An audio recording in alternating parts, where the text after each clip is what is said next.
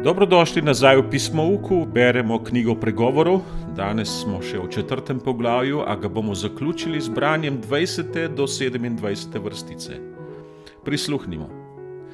Sin moj, pazi na moje besede, nagni svoj uho k mojim izrekom, naj ti ne uidejo spred oči, hrani jih v svojem srcu, kajti življenje so temu, ki jih najde, zdravje celemu njegovemu telesu.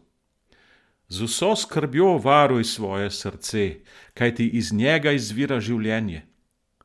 Odpravi od sebe izkrivljenost ust, oddalji od sebe popačenost ustnic, tvoje oči naj gledajo naravnost, tvoje trepalnice naj bodo naravnane pred te.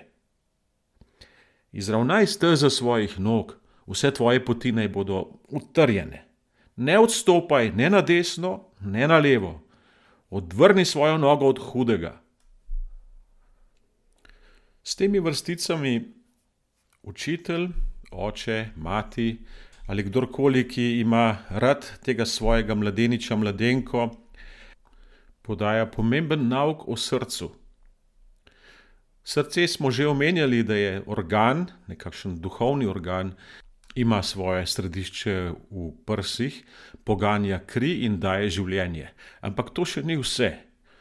V srcu se delajo odločitve, srcem se razmišlja, srcem se načrtuje in srcem se gleda in posluša.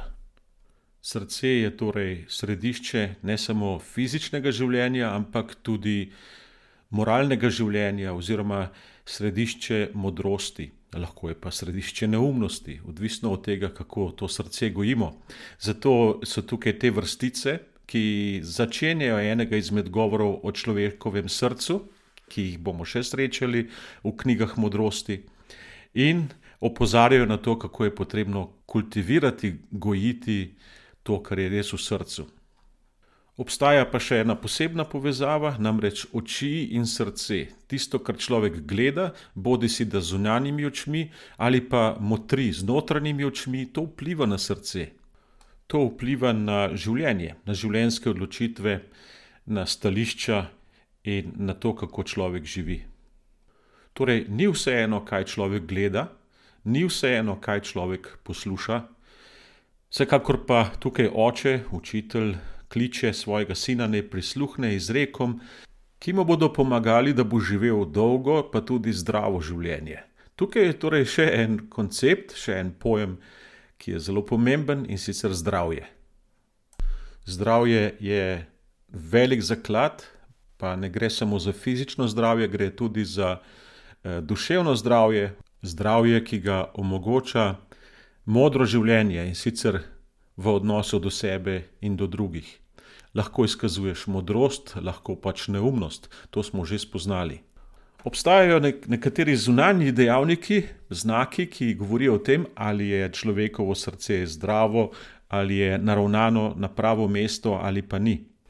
Prva stvar, na katero smo lahko pozorni, bodi si pri sebi, čeprav mogoče pri sebi to ne vidimo tako zlahka, eh, vidimo pa pri drugih, kadar so njihova usta izkrivljena oziroma popačene ustnice.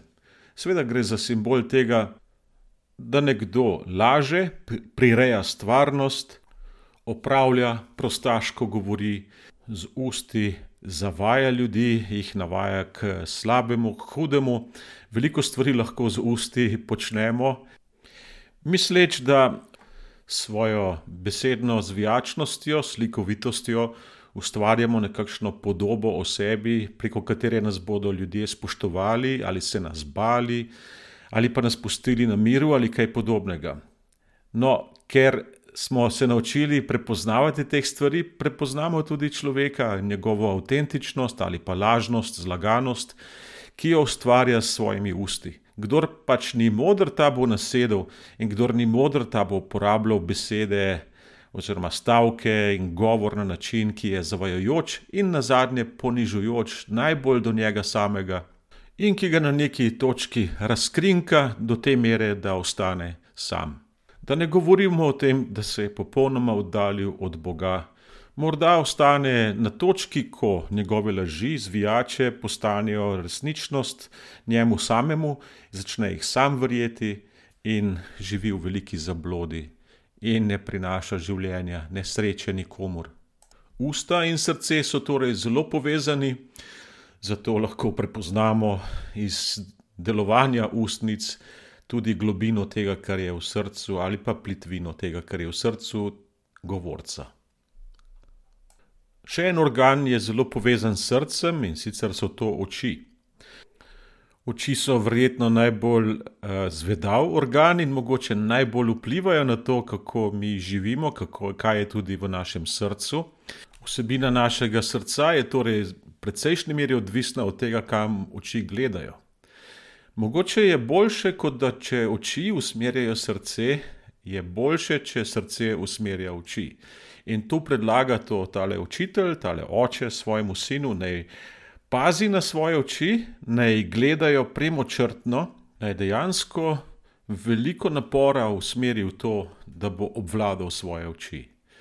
Eh, to govori tudi vrstica, ko pravi, ko poleg oči v to uplete tudi trepalnice. Seveda, trepalnice so podaljšek oči, en tak zelo blag, rahel organ, ki oko ščiti, nima pa nobene posebne vloge pri tem, kako bi videl. Se pravi, Mogoče je potrebno poudariti na tem mestu tudi to, da govori naj bodo oči obrnjene pred te. Se pravi, ne govori naj bodo oči povešene, tako da ne bi gledal, da ne bi videl. Pač pa imej v oblasti to, kar vidiš, in ne dopusti, da bi imelo to, kar vidiš, tebe v oblasti, še manj pa tvoje srce. Kaj konkretno to pomeni v življenju? Se pravi, gledati pomeni seveda videti stvari, in zelo veliko stvari mi gledamo v svojem življenju. E, smo obstreljevani s slikami, podobami, s takšnimi in drugačnimi podobami nasilja, popačene in zlorabljene spolnosti in tako naprej. Ampak ne gre samo za te oči, se pravi zunanje, te so seveda zelo pomembne, gre tudi za notranje oči, namreč kaj ti motriš. Čemu posvečaš svojo pozornost, ali obvladaš tudi svoje notranje življenje, ga razumeš, ali pa to notranje življenje, predvsem življenje želja in poželjenja, obvlada tebe. Tudi to so oči, vedno govorimo o tem zunanjem in pa notranjem organu, eh, kadar govorimo o očeh, o srcu in pa seveda tudi nogah. Noge naj bodo utrjene, pravi, se pravi, korak naj bo čvrst, naj bo premočrten, kar si, si zastavil, to izpelji, eh, že prej naredi modre odločitve. Te naj ne izhajajo iz laži, iz prostaštva, mogoče tudi iz zavajanja, ampak eh, naj bodo odločitve, ki si jih dobro premotril, dobro premislil, sedaj veš za svoj cilj, namenil si se k nečemu dobremu, zdravemu, nekaj, kar bo prineslo dobro, tako in blagostanje, pa tudi veselje in zdravje tebi in drugim. Eh, torej boš stopal premočrtno in ne boš odstopal od te dobre odločitve ne na levo, ne na desno stran, pravi tukaj besedilo, in pa svojo nogo boš odvračal od hudega. Ves čas, ko beremo te pregovore, imamo občutek, da je hudo kar nekje vedno za uvinkom in da nas lahko popade oziroma lahko zavede. Dokler je človek še mlad, pa tudi potem, ko je že star in modr, vedno obstaja možnost, da se odloči za zlo, za slabo, čeprav ima dober namen. Človek lahko namreč umisli, da gre hodi do svojega dobrega cilja, vmes naredi nekaj zlega, kar misli, da bo pripomoglo k temu. Zlo torej je vedno možnost, je vedno opcija, zato naj se jo človek zaveda, naj jo omenja kot možnost, naj ne laže sam sebi, naj ne laže drugim, svoje srce naj tako kultivira, tako oblikuje, da bo sposobno prepoznati, zaznati zlo in se kljub eh, njegovim obljubam in dobrim obetom odpove, odpove skušnjavi. No, še veliko bi lahko rekli ob teh vrsticah, ampak pred sabo imamo še precej knjige pregovorov, ki nas bo vračala nazaj k tem temam, ki jih bomo lahko pogledali še z drugih zornih kotov ali pa poglobili njihovo sporočilo. Eh, vas pa seveda sedaj le povabim, da tudi sami pogledate v svoje srce, pogledate svoje oči, usta, besede in pa svoje korake.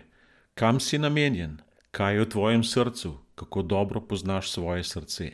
Poznaš njegove dobre lastnosti, poznaš tudi nagibe k zlu, oziroma kje te zlo najde, kje mu podležeš in potem prideš k sebi, to lahko tudi obžaluješ, oziroma popraviš svojo pot.